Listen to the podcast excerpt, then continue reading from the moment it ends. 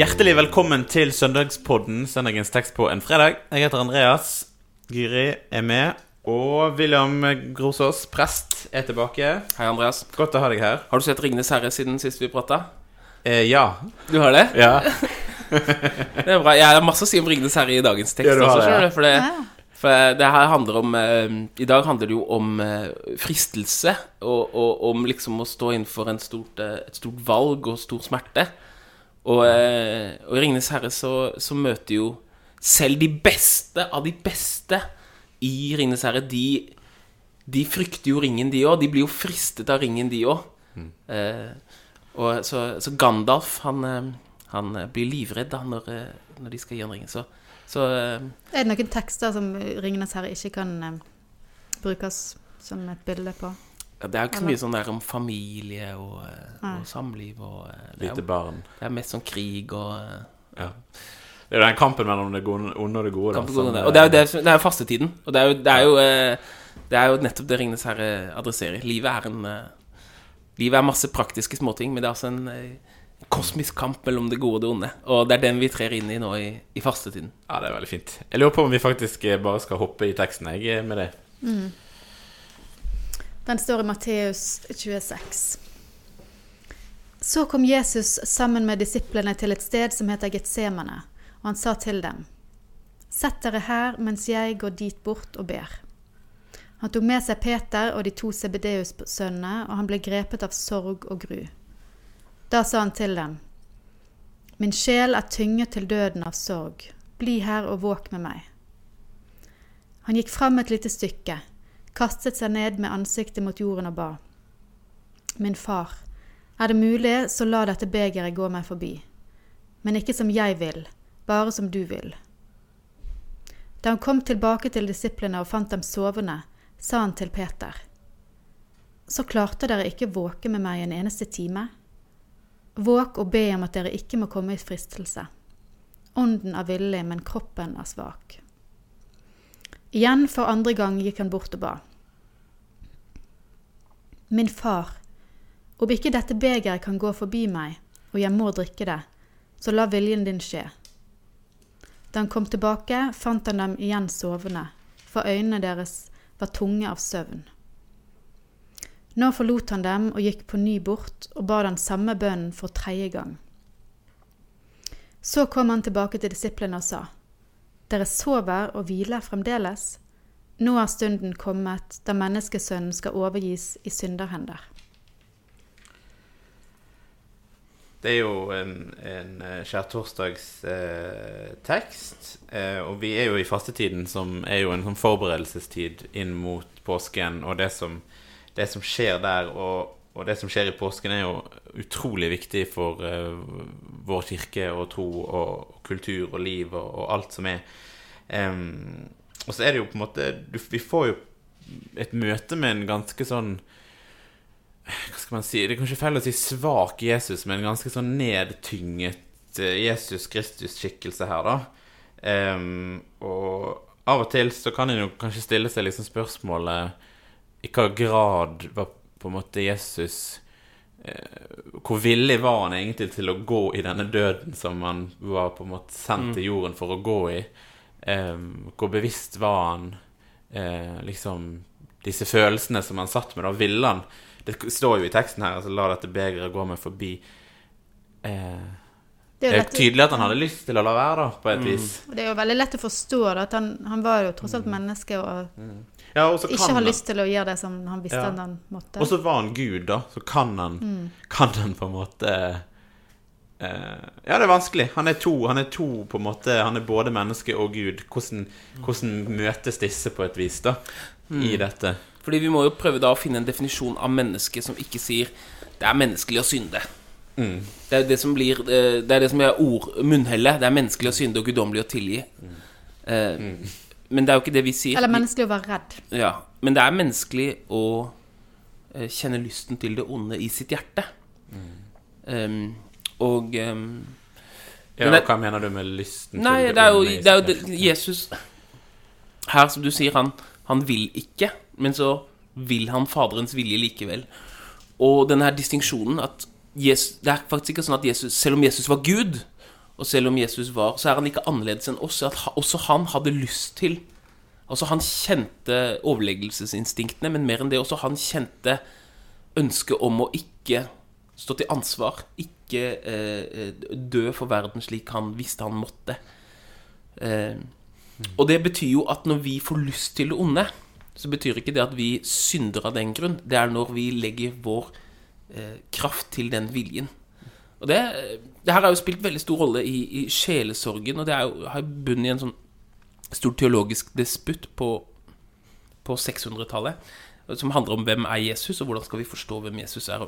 Man kan si at de, den, de største diskusjonene om hvem Jesus var, liksom på sånn kirkenivå med, med keiseren og hele pakka, i sant, den hadde tre runder. Den første runden handlet om er Jesus Gud eller menneske. Den andre handlet om hvordan er forholdet mellom Jesu guddommelighet og Jesu menneskelighet? Er det som olje og vann, som ligger oppå hverandre, eller er det som vin og vann, som går helt inn i hverandre? Og denne andre runden, den skapte en stor eh, eh, sånn splid i kirken mellom den store kirken i Egypt og den kirken som var da i, rundt Konstantinopel, som, hvor keiseren hadde. Og, og keiseren han prøvde hele tiden å få egypterne inn i folden, så det liksom svingte frem og tilbake. Og da var det en periode på 600-tallet for å liksom prøve å komme disse i møte. Så sa han Jesus, eh, eh, hans guddommelige og hans menneskelige natur, de var eh, separat, men han hadde én vilje. Johannes evangeliet har jo ikke en sånn Har jo ikke en sånn um, Getsemane-scene der Jesus sier Han sier bare 'Skal jeg gjøre dette nå?' 'Nei, det vil jeg ikke', sier Johannes. Eh, og da var det en som het Maximus, da Maximus bekjemperen, som var en munk. Som var en sånn eh, superlærd munk. På 600-tallet. på 600-tallet som sa at dette er feil, fordi dette får så store konsekvenser nettopp for sjelesorgen. Ja, dette at Jesus hadde én vilje. Dette at Jesus er hadde en vilje. Hvis Ja. vi sier at Jesus hadde en vilje, så hvordan kan da Jesus vite hvordan det er å kjenne denne dype lysten til det onde? Hvordan kan Jesus vite hvordan det er å være en narkoman og ha lyst til å sette en sprøyte til, eller å være en sint huspappa som har bare lyst til å kaste kiden ut av vinduet fordi han er så irriterende. irriterende, eller bare har lyst til å, å, å flykte fra virkeligheten? For Jeg har liksom hørt det mange ganger at ja, Jesus har vært gjennom alt. Så han, Ja. Eller han kan kjenne alle, alle følelser. Og, Men da kan han ikke bare være en sånn liksom, guddommelig person som, som, som bare ville det gode hele tiden. Han må ha et eller annet sted i seg ønsket det onde. Eh, hatt den onde viljen, men aldri fulgt den. Men helt og fullt overgitt seg til Faderens vilje. Han har ha hatt to viljer, både sin menneskelige og sin guddommelige vilje. Og det er det Maximus presser så steinhardt på. Og eh, eh, keiseren, som har sine politiske ambisjoner, sånn som det ofte er, han liker jo ikke dette, så han sørger for at Maximus blir sendt opp til Svartehavet, der det blåser og er kaldt og kjipt. Og han får kutta av tungen og skåret av høyre arm. Og så sier de til eh, eh, Det var før han kutta tungen, da. Så sier de til Maximus Alle er mot deg. Hele kirken. Alle biskopene. Du er aleine i dette synet ditt. Du er utenfor. Du er utenfor kirken. Og så sier Maximus, sier han da, det er før de kupper av tungen Da er det jeg som er kirken, sier han. Det er ganske hardt. Og så, og så gikk det 50-60 år, og så eh, var det et kirkemøte som innså at eh, det må være sånn som Maximus sa. Og um, det er jo en, eh, Maximus er alltid en sånn trøstefortelling for meg hvis man føler at man er i en situasjon der både politikere og et slags eh, kompakt flertall får en veldig bestemt mening om visse teologiske spørsmål, og så sier at det, det går over. det går over. Vi må tenke teologisk må vi tenke sånn 500-årsperspektiv. Ja ja, for kirken har ment ulike ting, og, og, og før vi liksom helt og fullt skal bestemme oss for om, om, eh, om eh, ting er landet en gang for alle, så får vi, får vi se, da. Eh, og, og sånn var det jo med Maximus. Han fikk jo ikke se det han hadde kjempet for hans livsverk. Og det var ikke sånn at han bare sa det. Han skrev sånne gedigne verk som jeg, jeg har prøvd å lese de, men de er for vanskelige for meg.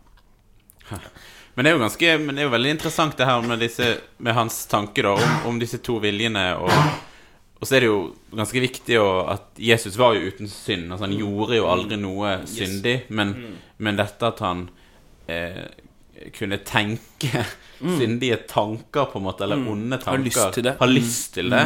Eh, og det, ja, og det hjelper jo oss, som du sier også, det er noe sjelesørgerisk i det. Altså det hjelper jo oss til å, til å um, å, å, å i større grad kunne eh, ha Jesus som forbilde, fordi han har vært igjennom det. Det som du sier, sant? Vi, har, du hører jo om at Jesus vet på en måte hvordan vi har det i alle situasjoner. Ikke bare liksom godfølelsene, men han har òg kjent på lysten til å gjøre noe galt. Eh, og det gjør det jo lettere for oss å, å på en måte Hva skal man si, da? Forsvare de følelsene en kan ha inni seg. Yes, da det er sant. Og jeg vil nok ikke si at syndige tanker, men, men jeg vil si ehm, eh, Nettopp fordi det er onde tanker, men de er ikke syndige fordi du ikke har lagt viljen din Ja. til dem. Ikke sant? Og eh, eh, det er vel Augustin som sa det først, og så sa Luther det etterpå, men dette her med at det er eh, i hvert fall i Det er forskjell på å la fuglene fly over hodet og la de bygge rede i, i øret på deg. Og uh, i konteksten som Luther bruker det, tror jeg det handler om, om liksom seksuelt begjær. Ikke sant? Og du, Jesus har dette strenge med at den som ser på en Men han kan jo ikke ha ment se på en kvinne eller en mann og synes at personen er vakker og pen, og tenkt i sitt sinne at det fins et eller annet i meg som har lyst til å gjøre noe som jeg Ikke sant? Det må jo være et eller annet jeg legger min vilje til. Og, um, og det, det skal vi ikke bekjenne. Vi skal bekjenne det vi har lagt vår vilje til, og så skal vi vite at fuglene, de onde tankene, de flyr over hodet vårt, og det kan vi ikke bestemme. Eh, Altså og- det er på en måte gjøre noe aktivt i den, i dit, den tanken. Ja, Det gjør noe annet. Det handler ikke bare om hva man gjør fysisk, men det handler om at jeg, jeg på en eller annen måte gir min tilslutning til en tanke også. ja, ja. Legge til rette for at det kanskje Ja, kan skje eller kanskje Ikke sant? Mm. Så, um, så det er masse sjelesorg i dette. Fordi Jesus kan ikke frelse noe han ikke også forenet seg med. Og uh, derfor så blir denne uh, ideen om at hvordan kan Jesus vite Jesus som Hvordan kan han vite hvordan det er? Hvordan det er eh, Hvordan kan Jesus vite hvordan det er å være en synder? Han var jo ikke en synder selv. Det er jo Nei, men, men eh, det er jo faktisk Og der igjen blir det forrige episode snakka jeg om Ringnes herre, om, om Frodo som, som har muligheten til å flykte hele tiden. Og men oppgaven hans er å gå til verdens ende, til det innerste av sin egen angst og frykt, uten å flykte. Som er alle menneskers egentlig oppgave i livet. Konfrontere min egen frykt uten å flykte fra den. Og angsten blir jo ikke mindre hvor nærmere du kommer din egen, altså kjernen i din egen angst hvis du ikke flykter. Det er motsatt. Den blir større. Og derfor så blir, Når Jesus velger å ikke flykte, men likevel så blir jo ikke sånn at ja, men Jesus vet ikke hvordan det er å være syndig. Det er motsatt. Han vet det mer enn deg, selv om du er en større synder enn han. Fordi det er sånn du, du, Vinden er ikke sterkest når du legger deg ned, men når du står mot den. Det er da du kjenner styrken av den. På samme måte så er fristelsen sterkest ikke når du eh, gir etter for den. For da er jo fristelsen over. Men det er når du fortsetter å ikke gi etter for den, fortsetter å ikke gi etter den, sånn som, sånn som Kristus gjorde. Og Derfor så har Kristus kjent hele fylden av de fristelsene vi kjenner, uten å gi etter for det. Han hadde disse onde tankene. Jeg har lyst til å bare stikke av, flykte, men jeg overgir meg helt og fullt til Gud. Spennende. Jeg tror vi skal Dette med begert må vi gå litt inn på uh, i teksten her. Sant? Hva, eh, hvordan skal jeg forholde seg til at han sier 'la dette begeret uh, gå fra meg', eller la meg, hva det står da? 'La meg få slippe' Ja. Men, men, men hva, er, det, er, det, en link til, til liksom nattverden? Uh, eller er det Hvordan skal vi forholde oss til det?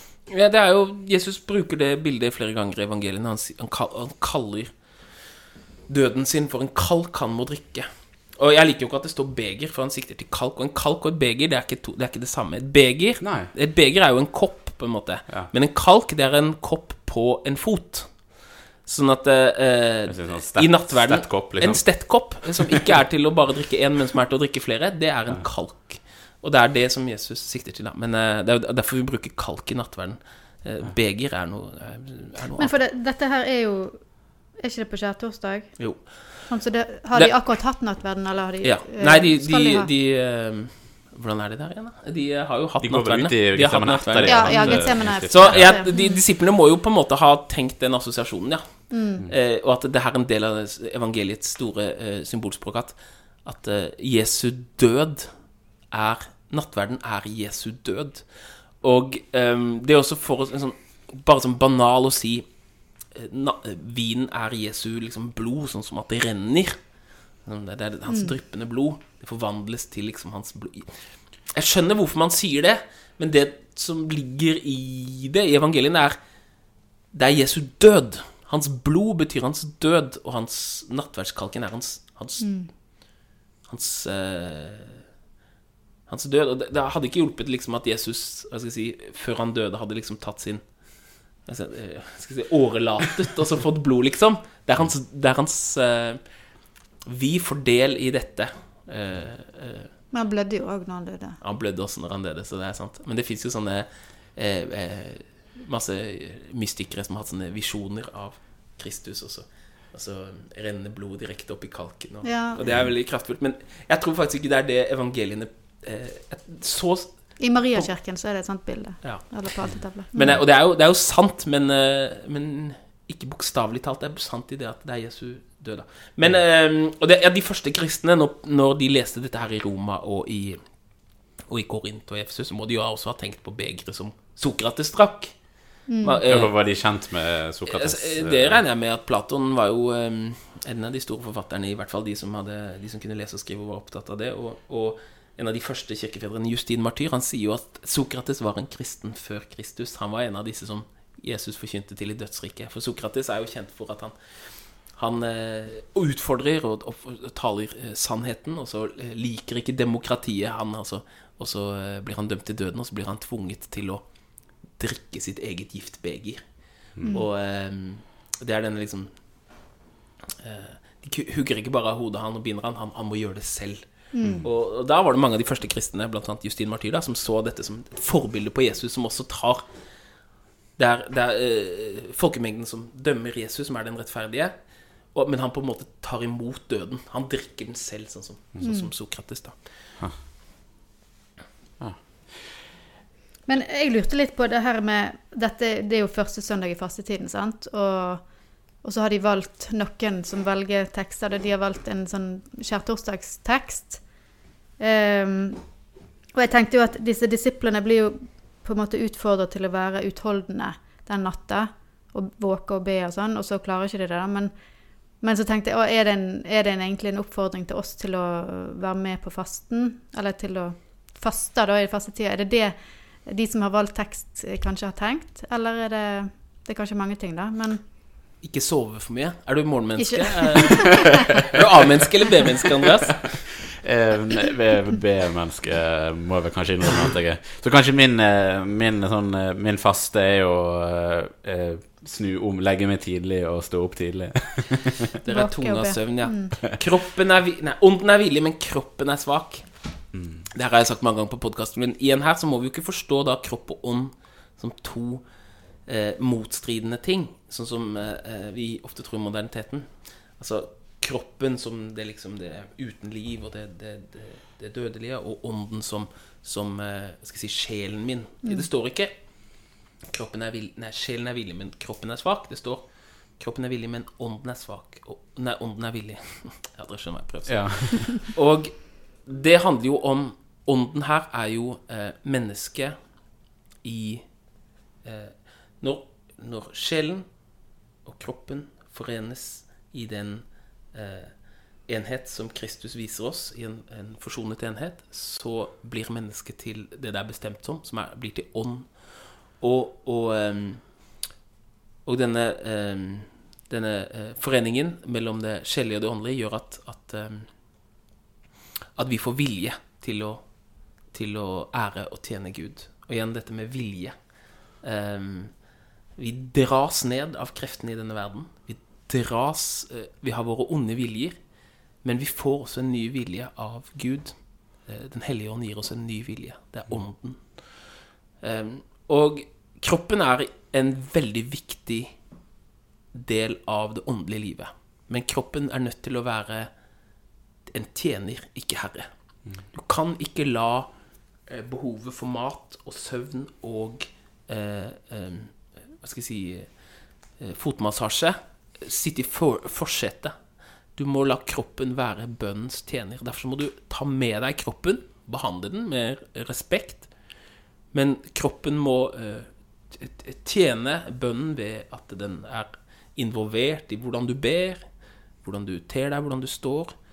Eh, Og du er nødt til å liksom Noen ganger så blir det sånn at kroppen liksom slår seg løs og sier ja, men det er jeg som bestemmer her. Du har kanskje lyst til å be, men sorry, jeg vil, eh, jeg vil sove to timer ekstra. Eh, Da må du skal jeg si, piske kroppen litt. Ikke sant? Som, mm. er det, er det Frans av Sissi som kaller kroppen for liksom det, det, det gamle eselet. Du må, du, må, du må, piske det litt. Ikke, ikke, overdrive, men du må liksom sette standarden og si 'sorry, ass'. Det er jeg som bestemmer her. Det, eller ikke jeg, hva mener jeg? Det er liksom Det er ånden som bestemmer her. Mm. Og, og, og, det å faste, og la kroppen liksom kjenne litt på det eh, eh, Stå opp, ikke, ikke alltid gi kroppen det den har mest lyst på hele tiden. Det er ikke en måte Målet med det er ikke å liksom å, å pine kroppen men å gjøre kroppen til en tjener for bønnen. Og da får kroppen det bedre også. Mm. Hm. Interessant. Fin eh, inngang til fastetiden der. Eh, veldig. Vi skal avslutte med å be vår far og velsignelsen. Vår Far i himmelen. La navnet ditt helliges. La riket ditt komme. La viljen din skje på jorden slik som i himmelen. Gi oss i dag vårt daglige brød og tilgi oss vår skyld, slik også vi tilgir våre skyldnere. Og la oss ikke komme i fristelse, men frels oss fra det onde. For riket er ditt, og makten og æren i evighet. Amen. Velsign oss Gud Fader, velsign oss Guds Sønn, velsign oss Gud, du Hellige Ånd.